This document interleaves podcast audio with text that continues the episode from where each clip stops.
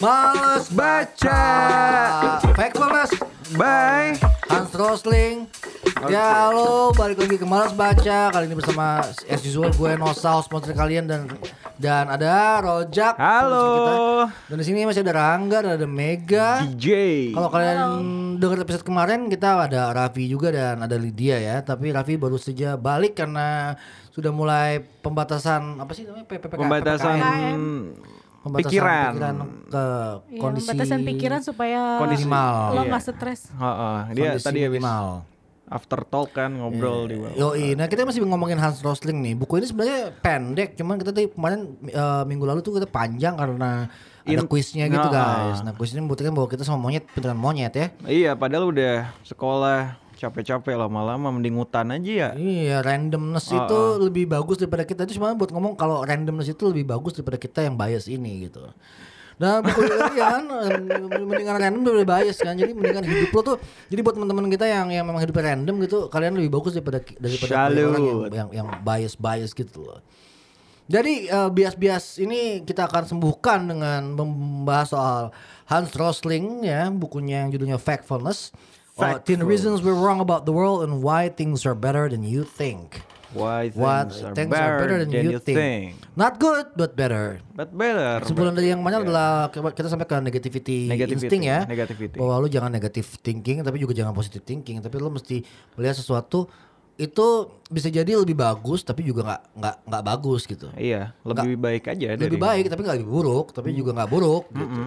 Baiknya dalam artian maksudnya better tuh kalau dalam bahasa ya. Inggris kan nggak nggak melulu baik gitu kan maksudnya better, Iya, better from from before, from apa before. kayak better from before but not not not not good Iya. not good enough not the best Not ya the best. Oke kita lanjut ya kita ke bagian ketiga nih kalau kalian pengen dengar yang kedua silakan cek yang episode kemarin yang sebelumnya yang eh, itu kita ngomong soal negativity effect sama the gap Betul. ya. The gap instinct tuh berarti kita ngomong tentang jangan melihat sesuatu dari gapnya doang gitu, jangan lihat gap kayak ba- kayak miskin, apa jelek jelek apa jelek ganteng gitu, pinter goblok gitu ya. Semua ada konteksnya dan semua punya spektrum. Yang kedua negativity adalah jangan hati-hati sama hal-hal negatif yang lebih gampang kita inget dan kita tertarik daripada yang positif gitu ya iya gitu Wa- walaupun dalam konteks sekarang ya kita memang lebih suka negatif sih daripada positif kan kalau negatif Iyalah. negatif Ah, ah. Negatif covid COVID. ya negatif kita covid Negatif hamil ya. Ah, ah, negatif tes negatif hamil tespek untuk umur-umur yang pengen yang belum pengen hamil ya itu juga baik ya negatif hamil ya tapi kalau udah positif positif covid Ya, tanggung jawab lah. iya Iya. nggak Kalau selamanya positif tanggung jawab. Gitu. Eh ada yang masuk ya? Ada yang Halo? masuk dia masuk lagi di sini ya. Oke. Lydia Siombing is joining our session now. Um she's a um she's a weirdo from an office I think ya Everybody knows she's weird, and we all we also all, all of us are weird in this group, okay? iya Ya, jadi iya Iya oke. Halo Lydia, selamat datang kembali di episode uh, sambungan dari episode yang kemarin. yes. Masih ngomongin hal yang sama, which is Factfulness dari Hans Rosling ya. Sekarang kita lanjut supaya kita terlama ya. Kita akan mulai dari uh, insting kita yang ketiga, yaitu the straight line insting. Insting kita terhadap suatu hal yang uh, lebih sederhana gitu ya, lebih gampang gitu. Misalnya uh, persepsi soal uh, populasi dunia itu semakin tinggi dan semakin tinggi gitu. Bahwa dunia ini akan overpopulation gitu karena orang nggak apa namanya program KB ter- ternyata tidak berhasil misalnya apa pun itulah. Jadi dilihat bahwa uh, dunia itu makin banyak orang, udah makin sempit, makin susah cari lahan dan lain-lain gitu ya. Nah, itu kan salah satu hal yang kita lihat gampang ya bahwa uh, ada hal-hal yang kita pikir wah ini hukumnya dia akan selalu tinggi atau let's say kayak kita ngomongin uang dia akan selalu inflatif misalnya, emas investasi emas akan selalu naik kan. akan gitu selalu kan. naik gitu. Iya, nah, investasi mas-mas iya naik. investasi mas-mas ya, mas. sebagai sebagai janda muda ya lu selalu berpikir mas-mas itu memang investasinya selalu naik ya. Ya iyalah. Makin mahal ya berondong-berondong ini ya. Oh nggak tahu ya. Kan kalau om-om enggak. Oh iya iya. Iya enggak Lid? Lu sebagai orang yang suka invest ke mas-mas gimana Lid? Kalau om-om memang udah om-om tuh udah ini udah udah udah peak kan ininya apa namanya eh, investmentnya Investasinya udah peak ya. udah Uhuh. udah mencapai di puncak kalau misalnya lu menuju puncak. kalau lu mau teng teng teng kalau lu mau investasi yang lebih lanjut ya yang lebih muda Mas, mas Wow. atau atau atau apa? Mas, mas. Adik-adik, adik-adik. Jadi Apa ini sih? mahasiswa. Anyway, ya udah kita kita tuh selalu melihat something yang yang jodoh ya by the way. uh, jodoh. Kenapa jodoh Lit emang? Lo nggak Nggak bisa. apa-apa. Setahu gue lo emang nggak bisa kawin sama mas, mas bisa kawinnya sama abang-abang. Apa? Iya, lu nggak boleh Nggak kawin sama kawin mas-mas. Mas lo melanggar ras lo dan kafaah lo ya. Lu lebih tahu soal jodoh gue daripada gue? Eh, Iya gue tau lah, lo kan cukup strict soal itu kan orang tua lo, keluarga lo gitu kan. Terus semua juga terjebak dalam struktur itu kebanyakan orang kan lu jangan kawin coba lihat duit bebet bobotnya lah whatever itu gitu ya. Jadi anyway, let's let's get back to straight line, straight line instinct ya. Straight. Line instinct. Jadi apa sih itu straight line instinct ya? Jadi eh, kita ngelihat kayak itu grafis tuh naik terus gitu, naik terus. eh apa populasi itu naik terus gitu ya bahwa em, kalau kita lihat ba- kita tuh sangat terobsesi gitu sama eh, garis lurus gitu loh kayak garis lurus yang eh, terus eh, menanjak gitu ya padahal yang kita nggak tahu adalah eh, sama seperti hukum supply and demand ada kepuasan-kepuasan yang membuat garisnya akan berhenti dan kalaupun dia nggak turun dia akan flat lines. Nah ini sebuah hukum yang kita belajar banget ketika kita lihat pandemi ya. Yang kita incer adalah flat lines, bukan turun, flat lines gitu. Kita incer kayak sekarang kan rumah sakit lagi penuh banget nih. Orang-orang pada kembali kayak first wave kita kita lihat rumah sakit itu penuh banyak yang di parkiran terbengkalai apa segala gitu ya dan dia naik terus dan diharapkan at one point dia akan flatline Flatlines. Gue suka deh kayak, kayak setiap lu ngomong flatlines. Ada ada trademark kayak gitu. flatline Nah, keren keren. flat chest Tapi asik sih. Ya flat udah, boobies ya udahlah ya. flat lines I'm dead Rangga mikir apa Rangga? Rangga mikir apa sih flat lines lu mikirnya apa sih ketika lu ngomong flat lines Gak apa-apa gue bengong. Ah, biasa dia dia Iya, lagi jadi lah. guru yoga ya. Nah, ya iya. Rangga lagi Lagi meditasi. Jadi meditasi menjadi guru yoga. Karena Rangga sudah mulai kita tahu selera dia tante tante ya. Mega meditasi gue lah mau kan gue mau buka sanggar yoga di Senoparty. Nanti- Iya. Nanti gua ikut. Cita-cita. Nanti Mega ikut. Tapi gaji gue nggak cukup buat yoga di Senoparty. Enggak kalau buat buat Rangga mah murah. Lo, lo kan dia anak Mondi ya, bisa ya murahin ya. Dapat diskon. Dapat diskon Mondi blank. Iya. Gue ini gue mampunya yang di Depok doang kelasnya. Yoi. Apalagi Lagi kalau lu tutup punya kan. ini me- membership premium Nah, deluxe. tapi tapi itu enggak premium deluxe sih. Oh, itu udah plus-plus banget tuh. Plus-plus Nggak ada ya kita ya? Ah, belum ada sih Belum premium ada. deluxe. Itu Ada premium atau deluxe. Oh iya bener. Ya ini, ini inside jokes ya guys. Jadi Mondi Blank itu punya membership yang beda-beda ya. Mondi Blank adalah sebuah film workshop di daerah Jakarta ya yang eh, ditemukan sama saya dan teman-teman ya. Dan eh, kita bikin kayak scholarship base gitu sama ada membership gitu guys. Jadi kalau deluxe adalah orang-orang yang nyumbang duit, eh, kalau premium adalah orang-orang yang cari duit. Dan regular adalah orang-orang yang lagi ngeraba-ngeraba. Iya, gua ngapain sih? Gue ngapain sih di sini? Dan premium deluxe tuh khusus kelas yogi Mas Rangga. Itu Nah, gue yang raba-raba. Kenapa yo kenapa Mas Rangga? Enak. Oke lanjut ya. Jadi udah gampang ya. Pokoknya lines itu sebenarnya sesuatu yang kita nggak boleh sangat. Kita mesti waspada sama straight lines. Jangan jangan percaya gitu. Karena ujung-ujungnya dia akan nge-flat juga dan kita bisa lihat flatnya di mana. Kalau kita lihat dalam jangka waktu yang panjang gitu. Dia akan naik turun, naik turun dan nge-flat gitu ya. Gampang ya. Kita kita ke insting selanjutnya aja ya. Gitu. Insting selanjutnya adalah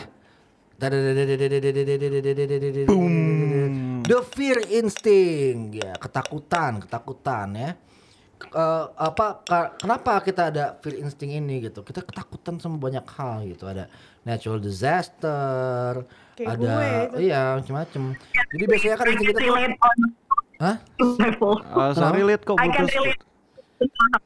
lo lo takut sama apa takut nggak punya anak apa takut jod nggak dapet jodoh apa takut I nggak can bisa relate tadi. Iya, you can relate to what, to what, to what, to what fear, hah? Lo takut ke luar negeri, Takut nggak berhasil. takut nggak berhasil. Nah, ada ada tiga ada tiga tiga fear yang dibahas di sini. Pertama adalah physical harm ya, kita takut sama disakiti orang secara fisik gitu ya, kayak Iya. aduh.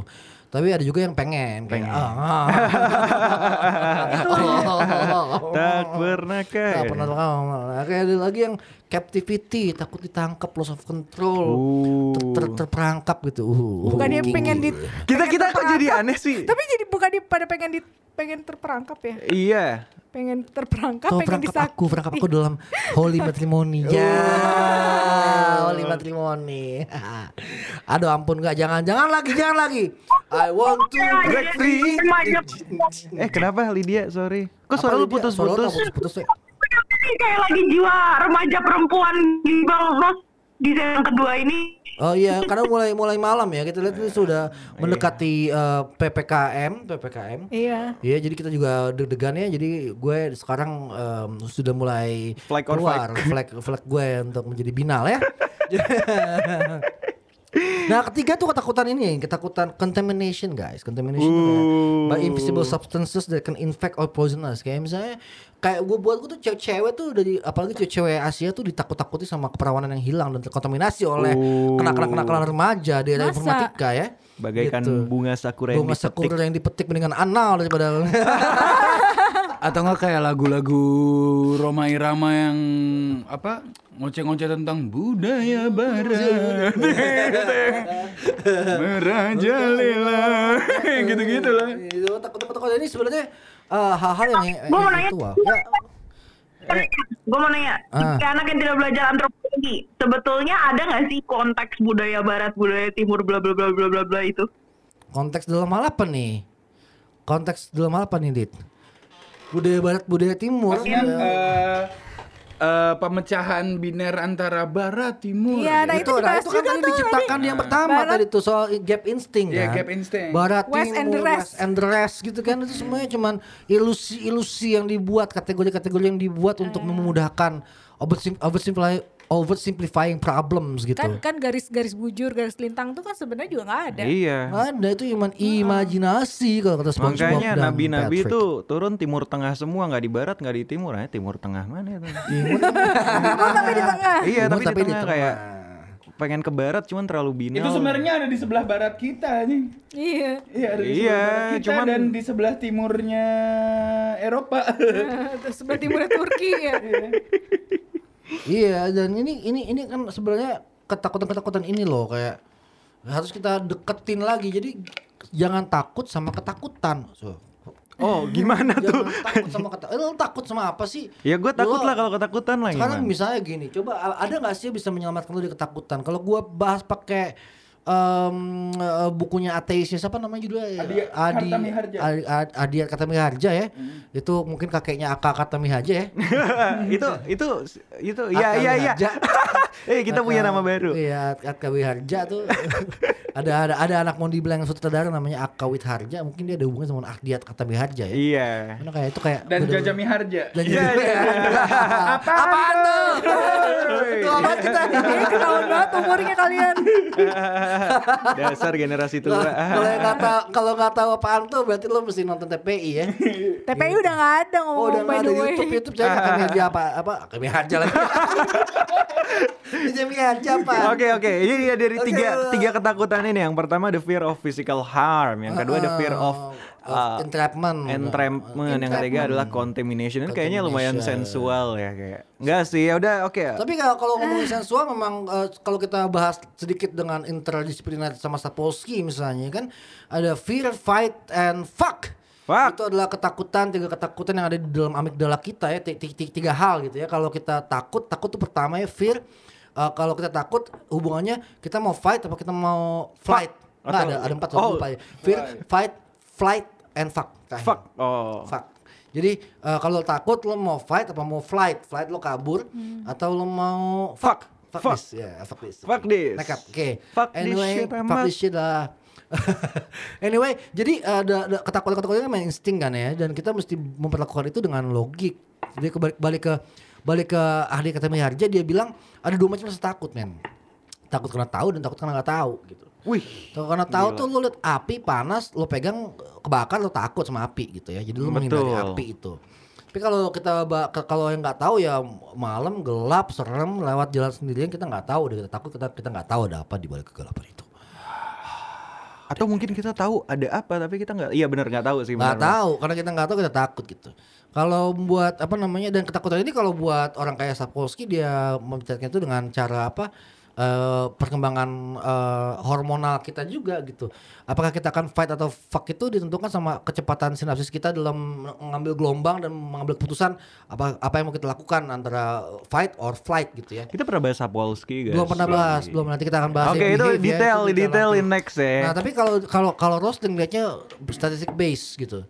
Say lo takut sama apa sih? Lo takut sama flying on on plane gitu ya. Lo lihat bahwa ternyata orang yang eh, mati atau enggak gini deh. Lo lo ngomong soal rokok misalnya. Oh takut nih asap rokok membunuh banyak orang gitu.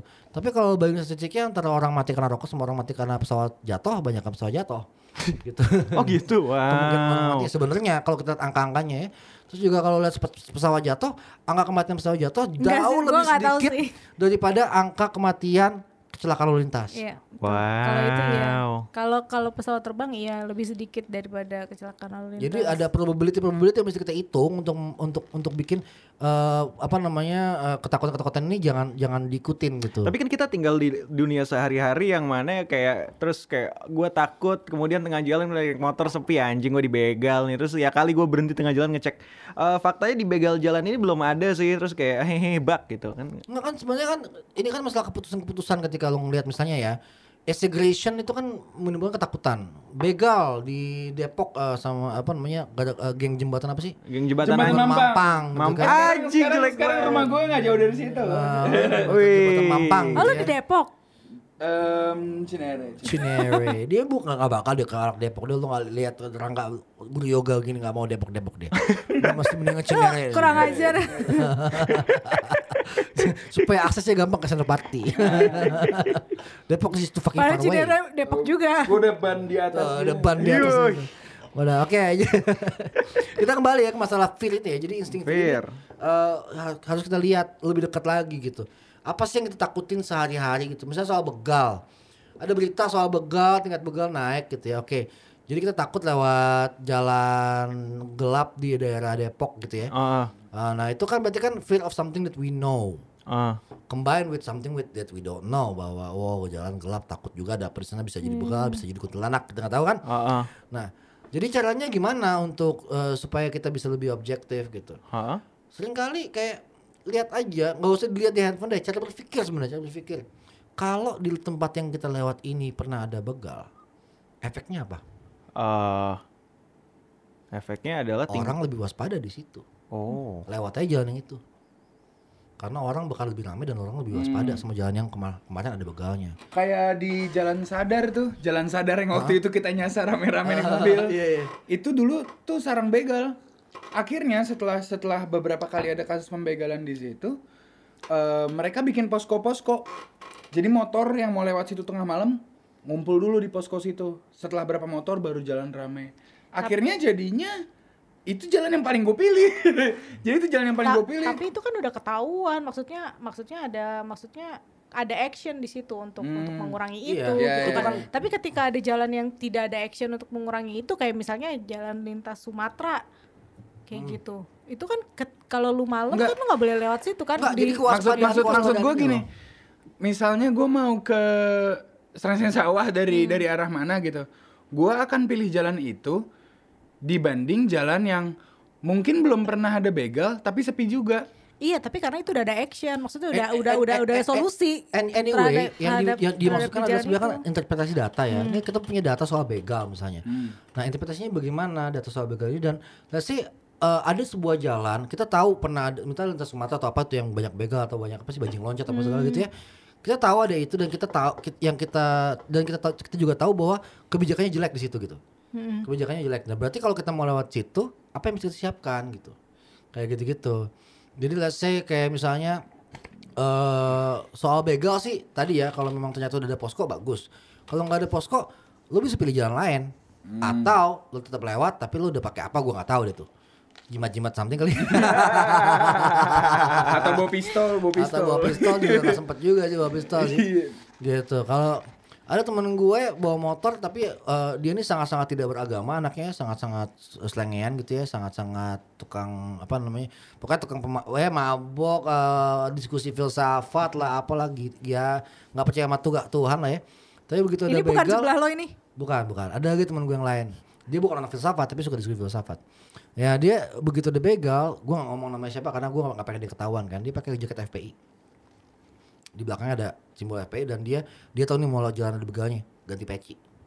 Hmm. Wah, Wow. lebih kebal daripada helm. Iya benar benar benar benar. benar. Buat buat konteks itu ya. Karena apa? Karena dia tahu ada data bahwa di, di tempat itu begal yang kemarin ketangkap sama FPI. Oh. Rame-ramean sama FPI. Jadi kalau ada FPI kena perang gede kan, ya pura-pura jadi FPI aja. Oh jadi jangan apa namanya jangan eh, spekulatif spekulatif dengan ketakutan ketakutan lo itu ya Mm-mm. cek dulu nih Cek dulu ketakutan ini bi- bisa gue hindari Bisa- dengan cara apa gitu. Datanya di, di- dilihat dulu datanya gitu. Ha, Jadi jangan data yang separuh-separuh lo percaya banget gitu loh. Itu bahaya gitu. oke Oke, kita lanjut lagi ya ke. Next. insting berikutnya. Insting berikutnya adalah the size instinct. Jadi kita ini terlalu sering lihat yang gede-gede tuh kayak wah uh, the elephant in the room ya. Kayak gajah di pupuk mata nggak kelihatan, semut kelihatan gitu. Tapi juga kayak semua tuh yang gede-gede tuh uh, kita lebih apa ya lebih Aware. lebih aware gitu ya. Size instinct tuh kayak Lebih kelihatan. you tend to get things out of proportion gitu. Membesar-besarkan. Besar-besarkan, misjudging the size of things is something that we humans do naturally. It is instinctive to look at lonely number Lebay ya, and lebay. misjudge its importance gitu ya. Jadi lebay misalnya ngelihat Ebola. Dramatisasi ya. Wah, kayak. Ebola itu sebelum ada pandemi ini, sebelum ada Covid, itu orang Iya. takutnya setengah mati sama Ebola. Nggak mau ke Afrika. nggak mau ke Afrika orang dari Afrika atau orang kulit hitam langsung di dulu. screening dulu. Padahal dia orang Amerika lahir di LA mau, mau pulang dari dari Miami terus dikira wah lo pasti orang Ethiopia atau orang mana yang kena Ebola di screening dulu. Padahal eh, semenjak ada Covid ini kita jadi tahu bahwa Ebola itu bukan pandemik. And, eh, dia iya, endemik. Kenapa? Karena lo nggak sempet jalan-jalan pasti mati duluan letalitasnya tinggi banget ya. Dosis tinggi banget. Jadi lo pasti contain lo nggak sempet ke mana-mana lo mati duluan. Secepat itu matinya gitu. Iya, dan lagi pula kan yang yang kena adalah negara-negara miskin, negara-negara yang mereka nggak jalan-jalan ke mana-mana. Negara-negara yang memang eh, Orang-orangnya juga nggak bisa jalan-jalan. Kalaupun ada yang jalan-jalan kan berarti kan banyak tenaga kesehatan jalan-jalan itu pun nggak bisa lama-lama mereka gitu. Dan mereka kan detect banget kan tenaga kesehatan kan lebih aware sama wah gue habis di tempat Ebola gue mesti karantina atau segala. Jadi memang unlikely Ebola bisa nyebar gitu. Beda sama si COVID ini kan penyebaran ke seluruh dunia adalah dari orang-orang kaya yang punya uang untuk naik pesawat terbang lintas Betul. lintas Ini juga negara. COVID ini juga kan kayak sa- sama SARS yang sebelumnya juga sama kan. Memang gejalanya kayak flu biasa dan itu nggak kelihatan gitu. Akhirnya kan kita meremehkan itu dan nyebar ke mana-mana.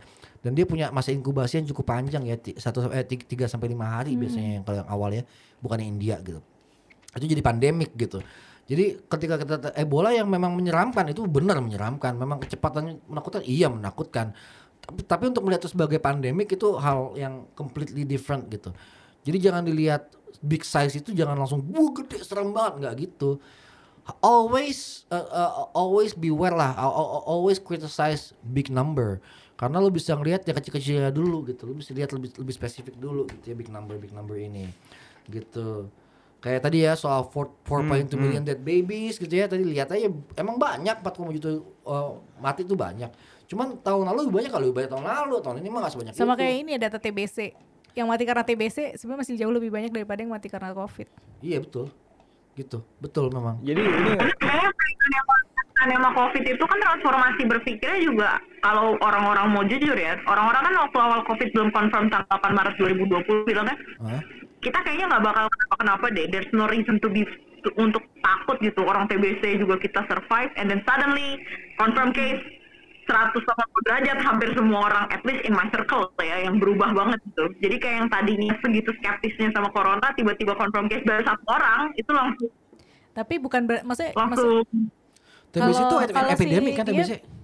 TBC tuh semuanya pandemi seluruh dunia. Pandemi. Pandemi masih sampai sekarang. Kena- belum kena- dicabut. Ken- kenapa statusnya. dia kenapa sebagai pandemi dia nggak segede covid penularannya lebih susah apa gimana? Dia gede banget sebenarnya. Dia gede banget dan penularannya juga gampang. Cuma eh, orang sudah tahu gimana cara ngatasinnya kan. Kayak minum obat Oh, enam bulan oke, kayak oke, gitu kan. oke. Eh, minum obat enam bulan dan dia eh, dan apa namanya dan orang-orang yang TBC ini memang ya cenderung nggak jalan-jalan ya karena udah lem karena kan lemah ya. Ya dia kan kalau pas lagi sakit ya sakit ya maksudnya apa gitu. namanya eh, apa? Eh gue pengen di efek swab dong.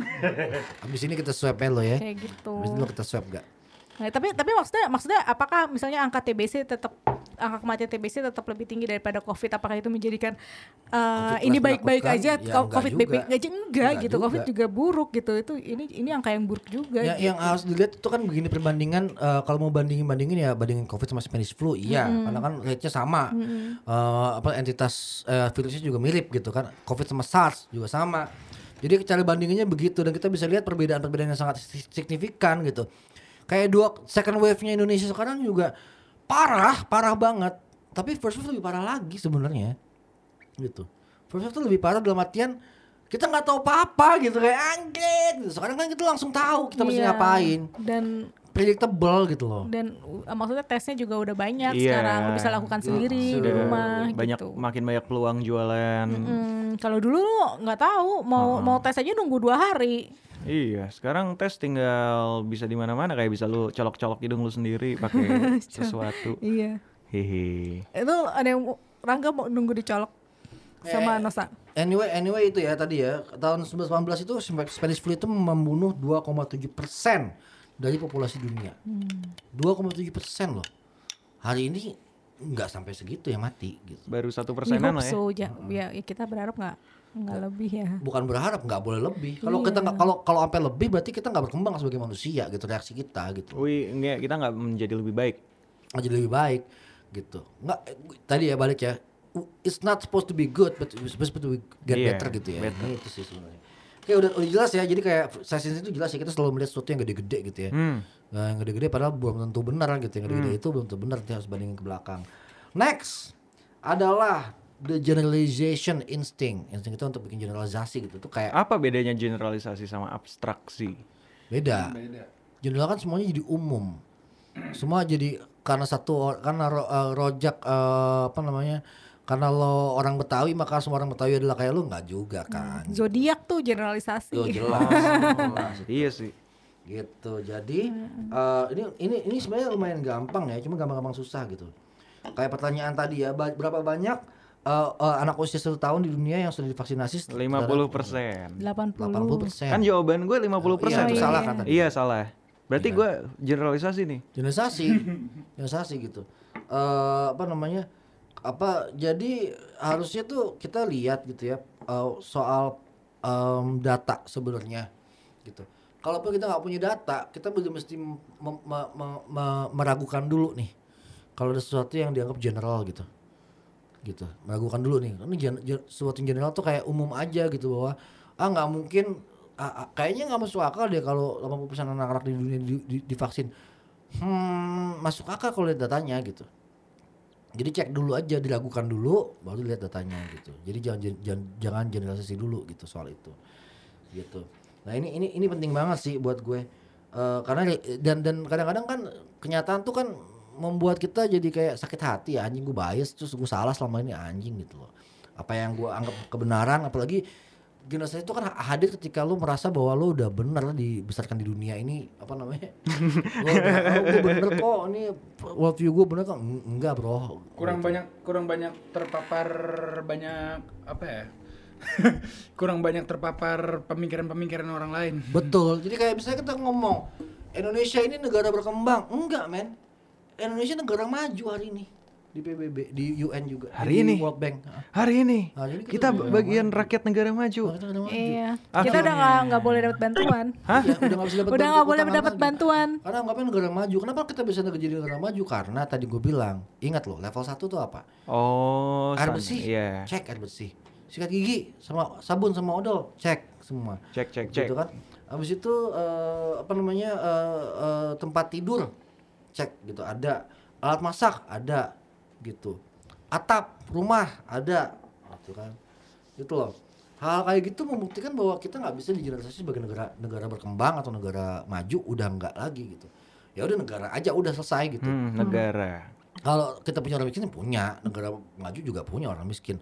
Nah lo bisa cek di Google namanya Dollar Street ya. Dollar Street tuh ini buatan banget pos ya. positivis banget ya. Pos positif maksudnya gimana? Pos positivism tuh hmm, udah deh gue susah jelasinnya. Jadi Iya apa ya? Ya dia selalu mempertanyakan gitu fakta gitu. Bener nggak ini kayak gitu nggak Iya. faktanya? Ada, ada- pasti ada sesuatu di balik itu gitu. Iya betul. Jadi itu nggak semuanya kayak misalnya eh eh ya tadi orang kaya kayaknya semana? Siapa aja yang kaya gitu. Fact check. Fact check lagi. Eh selanjutnya ya, lanjut ah, ya. Ini ketujuh ya? Eh gue lupa keberapa pokoknya udah mau habis aja. Ah, oke. The Destiny Instinct. Eh, insting takdir. Semua sudah takdir, man. Tidak bisa diubah lagi. Lu selamanya akan menjadi jomblo atau lu selamanya akan jelek atau selamanya itu itu hal yang yang yang, yang salah gitu kayak Afrika tidak mungkin maju padahal ada Wakanda gimana Iya ya. Wakanda forever. Wakanda Wakanda forever. forever. itu sudah pasti Afrika maju dan ada Wakanda forever Gue suka deh Ibon ini pengen gue jadiin trademarknya males baca. Jadi kayak apa ya? Paling gampang kan sekarang ini ini ini, ini menyedihkan bahwa ada perbicaraan soal kodrat perempuan ya. Takdir Kodrat Takdir perempuan. perempuan tuh punya rahim, dia tidak mungkin bisa bla bla beli beli gitu. Padahalnya kan nggak juga gitu. Pada akhirnya kan kita bisa lihat bahwa perempuan yang sekolah sekarang udah ya mengenyam pendidikan sama kayak laki-laki. Betul. Dan Terus punya rahim. produktivitas juga iya. Punya gitu. rahim ya bener takdir. Cuman apakah takdir itu membawa lo untuk menakdirkan lo harus punya anak kan nggak juga kan? Iya. Ya udah punya rahim ya punya rahim. sebenarnya baseline Ya, So- karena lo punya rahim nggak berarti harus lo untuk hamil dan melahirkan kan. Sebetulnya Iya. kan Nggak baseline itu, tapi itu itu. Tapi punya anak itu takdir loh. Kalau udah punya anak ya Kalau udah. punya anak, kalau punya- belum punya anak kan berarti Iya. bukan perempuan ditakdirkan untuk selalu punya, untuk punya anak nggak juga. Punya anak yang yang tak yang menjadi takdir itu adalah anak anak yang lahir itu. anak yang Iya. lahir itu iya gitu kan. Gua Kode punya-? Kenapa? Destiny, takdir itu yaitu konsepsi bahwa lo sudah dikunci begitu dari sana esensialism. Essentialism. Iya. essentialism dan itu sesuatu yang yang yang terang bahkan orang-orang yang berpendidikan pun sering kali terjebak dalam essentialism ini gitu. Sadar nggak sadar gitu bahwa em, oh lo proletar gitu. Iya. nggak mungkin maju gitu. Kayak gitu jadi ya udahlah pikirannya proletar dia nggak mungkin bisa tahu nggak mungkin bisa belajar gitu. Nah ini gue ketemu nih di teman-teman gue yang memang eh, kelas menengah atas yang berpendidikan masih ada yang merasa bahwa proletar nggak mungkin bisa maju gitu. Padahal ya kalau kalau kita deketin lagi eh, itu nggak bisa kayak gitu ber- berpikirnya. Karena ada beberapa orang yang memang local genius misalnya nggak jalan terus tetap tetap jago gitu loh. Cuman nggak ada tempatnya aja gitu buat jago. Oke eh, lanjut ya itu Destiny Instinct ya. Udah jelas tuh nggak nggak gitu susah Destiny Instinct. Destiny. ketiga single perspective instinct gitu. Wah, ini kacau banget. ini. Ini tunggal. Ini yang bikin semua orang ribut nih akhir-akhir ini. Oposisi biner dan Iya. single perspek- perspektif sebenarnya. Iya. We find simple ideas very attractive. We enjoy the moment of insight. We enjoy feeling we really understand or know something.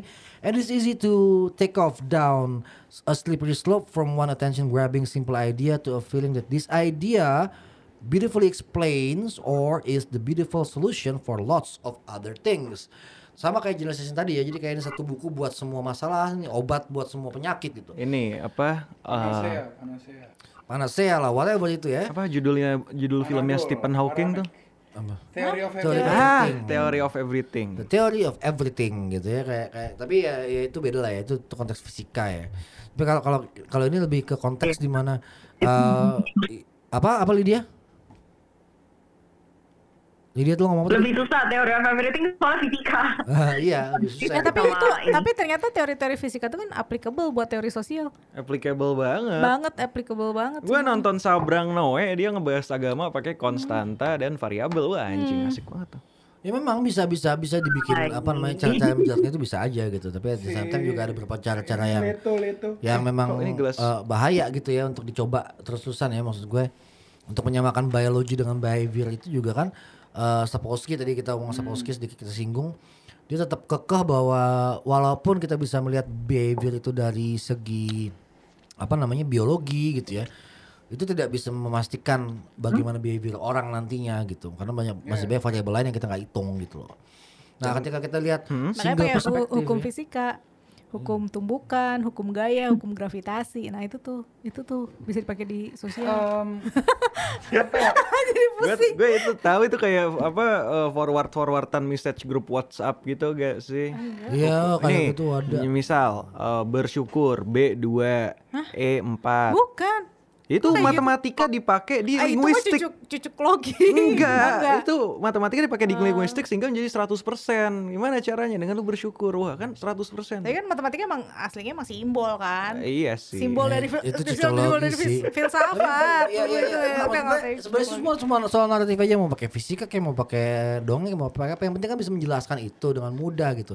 Kalau tambah ribet mah juga nggak ada gunanya gitu. Jangan tambah ribet. Fisika tuh ya itu cuma cara kita berbahasa aja untuk menjelaskan sesuatu. Oh, kita umpamakan bahwa gravitasi itu begini gitu kan menjelaskan the law of attraction seperti so- eh, dua orang cewek cowok yang saling tertarik bla bla bla. Itu kan cara menjelaskan aja sebenarnya tidak membuat itu benar gitu.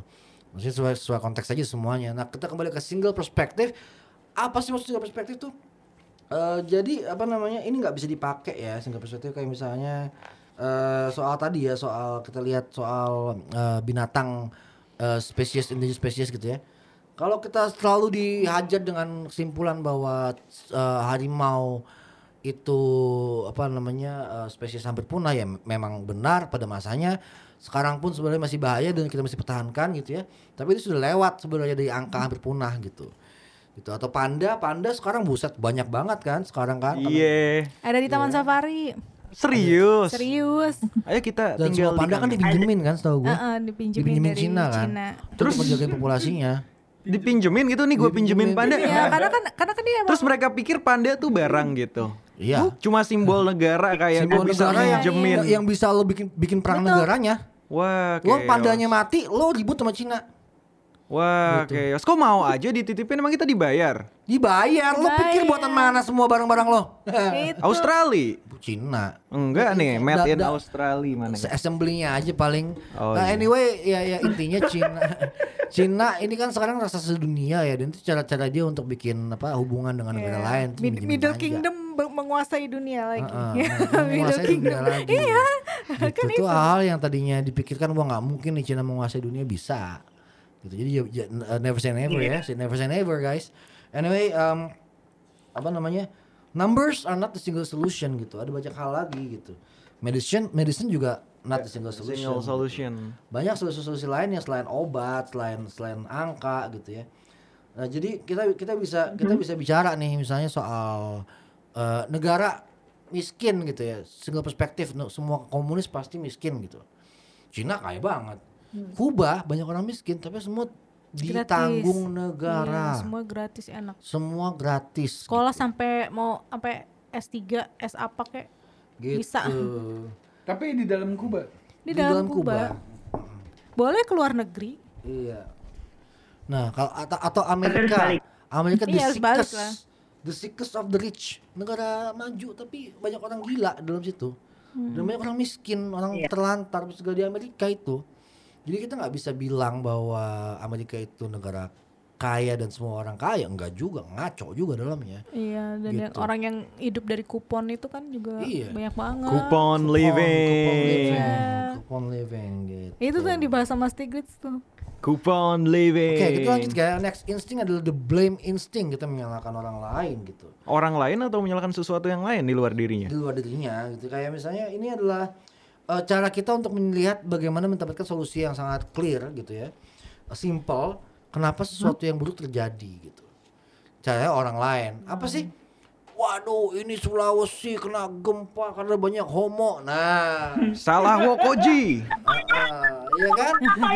Iya kan? Itu apa apa hubungannya? Ini Sodom Gomora diulang lagi. Hmm, itu sudah dari Gomora kita menyalahkan homo ya Ya itu, ini kenapa kita pandemi gara-gara Sunda Empire Kenapa di Lo, penjara. Iya, pandemi karena sudah yang di penjara. Kenapa Lydia? Lydia ada yang mau disalahkan?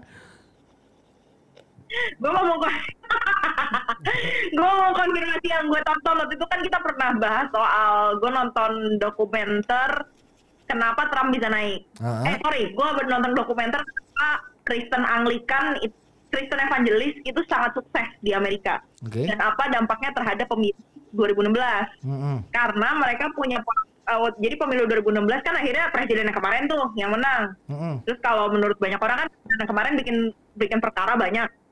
Nah itu karena sebetulnya penyebabnya karena mereka menyalahkan kebijakan presiden kulit hitam sebelumnya yang melegalkan LGBT itu menjauhi mereka dari nilai-nilai agama Kristen. Jadi mereka banyak kena tumbal, Nah. kena masalah gitu loh. Kayak kena maka- makanya mereka nganggap si presiden yang kemarin itu Si bisa Trump. menjadi jawaban untuk kembali kepada Tuhan. Exactly, exactly. Jadi Iya. kita Gitu. juga tidak bisa menyalahkan satu pihak aja atas segala sesuatu yang terjadi karena artinya kita nggak lihat data juga gitu. Ada kompleksitas atas fenomena-fenomena sosial dan politik dan alam yang terjadi gitu gitu. Tapi pi- iya, tapi pilihan Trump Trump Trump bisa menang tuh banyak sih, banyak faktor banget sih. banyak faktor Banyak banget, nggak cuma satu banget. dua itu banyak. Bahkan gitu. mungkin kalau misalnya kita bikin kuesioner nih, open kuesioner gitu kan.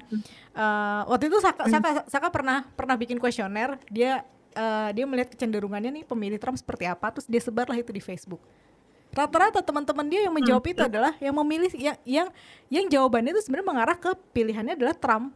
Hmm. Jadi sebenarnya kita semua nih mungkin juga akan memilih Trump gitu. Jadi Mungkin. Ya, waktu itu waktu itu waktu itu Saka pernah bikin penelitian kecil-kecilan kayak gitu dia bilang. Jadi pada dasarnya ya emang emang kayaknya Trump bisa menang ya memang memang emang masyarakatnya mau kayak gitu gitu. Bahkan mungkin kita sendiri juga maunya kayak gitu gitu. Maunya tuh punya pemimpin yang kayak Trump. Walaupun ketika Trump ditampilin di media kita kata-katain gitu. itu kan jadi kayak siklon membikan kita kalau lagi bikin film gak sih Bang Nos? Kayak Kenapa? misalnya kita bilang, kita film kita harus ini dari yang gue lupa ikut kelas mana gitu.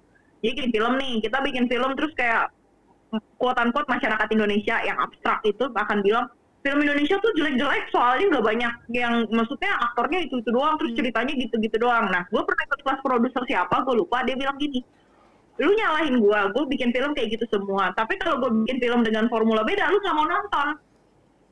Terus jadinya gimana dong? kayak gitu sih. Wah, Itu buat ya, buat gue tuh dua mata sisi yang yang salah. Jadi pertanyaannya eh kita bisa bahas misalnya salah siapa film Indonesia jelek-jelek misalnya. Ya salah produser. Oke, kenapa produser? Karena semuanya bikinnya kayak begini-begini. Coba tanyain lagi, kenapa produser bikin begitu? Oh, karena pasar, oh karena apa gitu ya. Artinya kan memang ada jalan tengah yang bisa dicari untuk membuat lebih baik ya. Paling gampang kan kalau kita lihat kalau soal film Indonesia misalnya ya segampang terobosan-terobosan yang dimulai kecil-kecil ya dari dari eh, apa membuat film yang proper dulu gitu kan atau eh apa ya eh apa yang dilakukan sama Joko Anwar misalnya buat gue tuh hal-hal yang yang yang breakthrough kan dia membuktikan bahwa pasar tuh bisa dibikin gitu pelan-pelan cuman ya itu juga dia memakai teknik yang kurang lebih sadar dulu sama apa yang terjadi sekarang gitu baru dia ambil solusinya. Jadi solusi itu nggak bisa tiba-tiba lu nyalain orang gitu. Diagnose dulu ya. diagnose dulu aja semuanya. Nah ini kan blame insting yang salah ya. Jadi jangan jangan apa namanya jangan eh, terlalu cepat ngambil kesimpulan gitu dari salah-salah orang. Lanjut ya. Urgency instinct Wah ini bahaya nih. ini paling bahaya. Gue Hans Rosling di sini nggak dia dia udah wanti-wanti soal chapter ini ya karena dia dia menyalahkan eh, Al Gore untuk urgency instinct soal climate change. Gitu. Menurut dia urgent bener urgent gitu. Tapi kalau membuat panik massal salah juga caranya bikin Iya. panik massal gitu.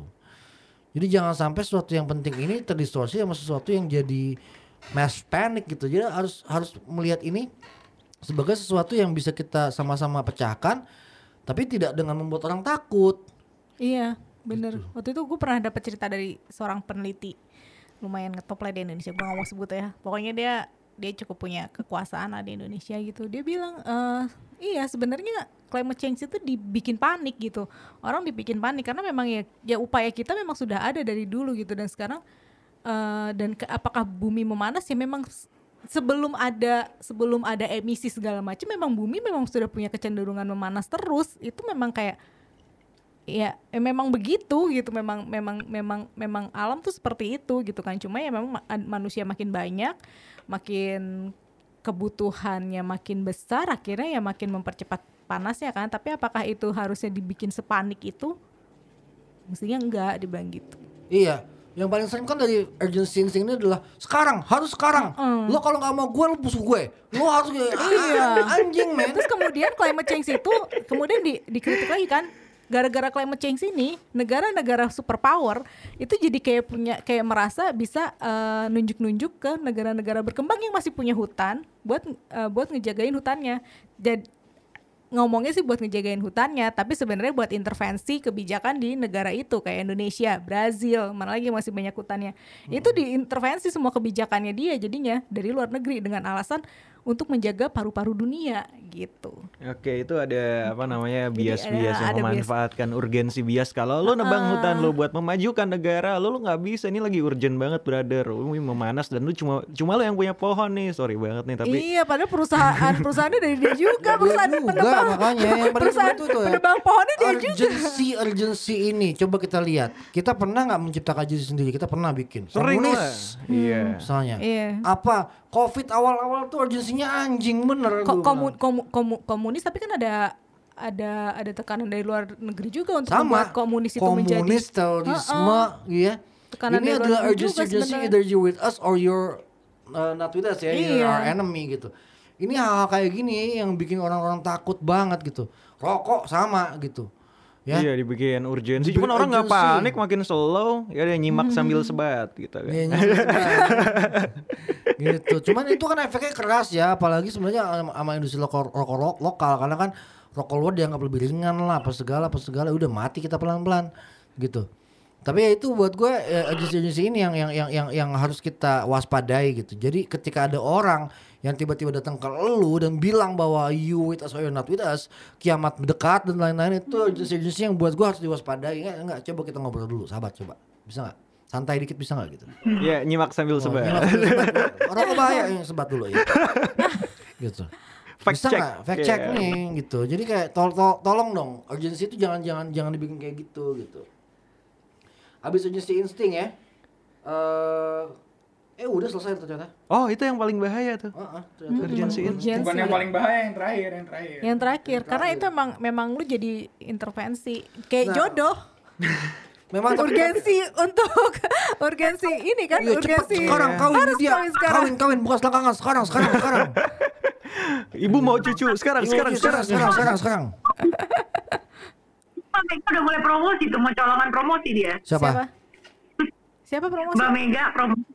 Oh iya kawin kawin sekarang Mac lo kawin kawin kawin sekarang kawin kawin Udah kawin kan kawin. gue, udah lagi lagi lagi lagi lagi. Lagi lagi kan urgent urgent Urgent, nih. urgent. sekarang lu jangan sampai orang lihat jangan dong Lydia yang promosi jangan gue Oh iya kan lu belum pernah Lid. Iya, belum pernah di- lu Ayo, Lid, kawin, Lid, anjing, Kawin, kawin. Cepat, kawin, kawin. Sekarang, Kalau- kalau kawin mus gue musuhin lu. kalau gue lu- gue yang lagi lo bikin Mbak Mega, bukan masalah yang lain.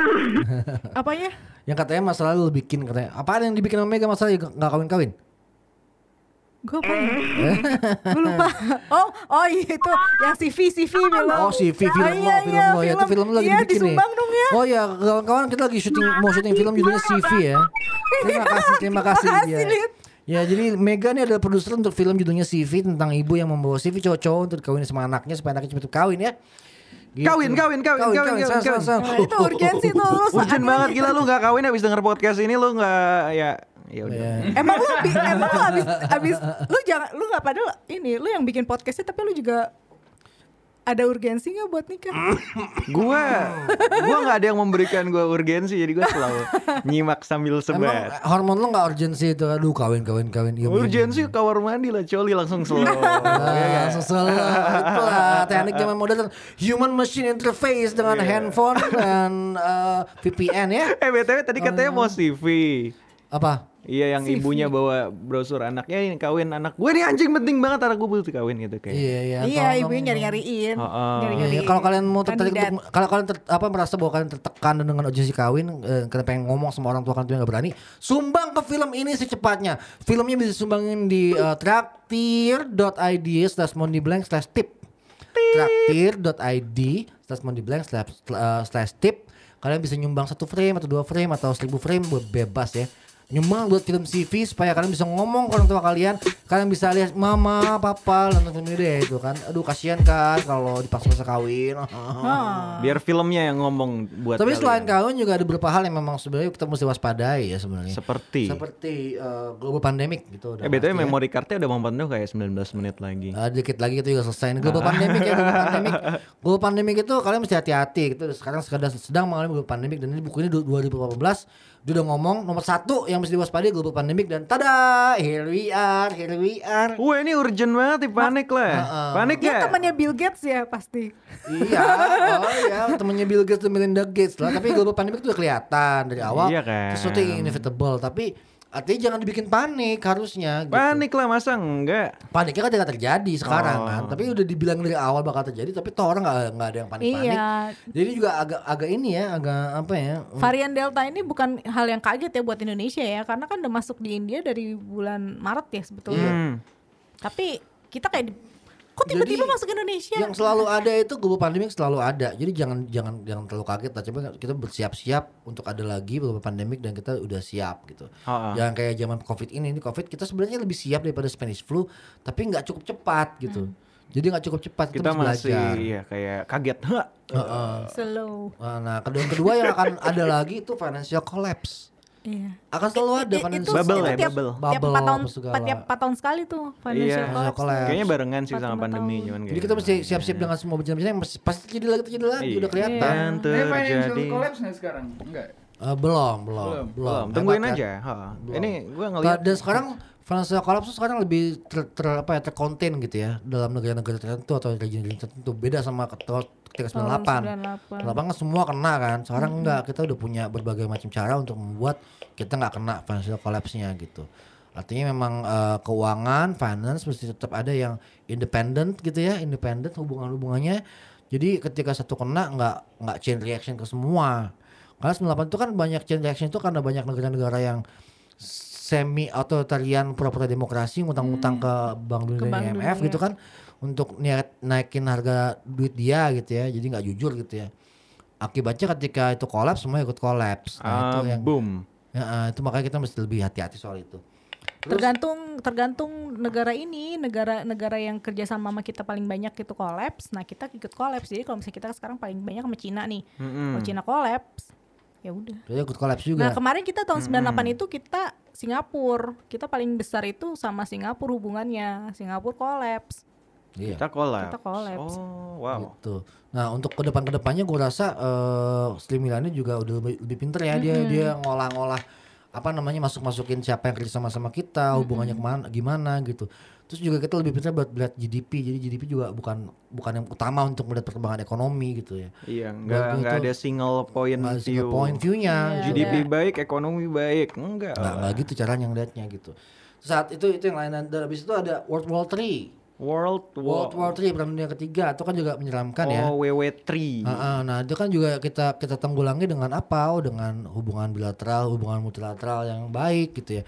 Bikin uh, entah itu olimpiade atau atau Bikin PA fakta-fakta fakta-fakta kesepakatan fakta-fakta kesepakatan gitu ya. Lo ngomong nggak jelas banget pakai Google Meet ya. Kenapa sih lo jelek banget sih handphone lo bapuk elit? iya kemarin ngob- ngobrol Kemarin sama si Acong bagus ya? Apa? Kemarin gua ngobrol sama Kanada bagus loh. Lo ngomong sama lo apa jelek banget ya? Gitu. Mungkin lo tinggal di Bekasi kali ya jadi hancur begini. Planet lain. Transmisinya sulit. Iya kan transmisi sulit banget. Cas, kita kita beli simbol aja. Yuk, apa? Cas, cas, cas, Ini, ini udah ada Aibon. Ah, nggak jelek jelek soalnya.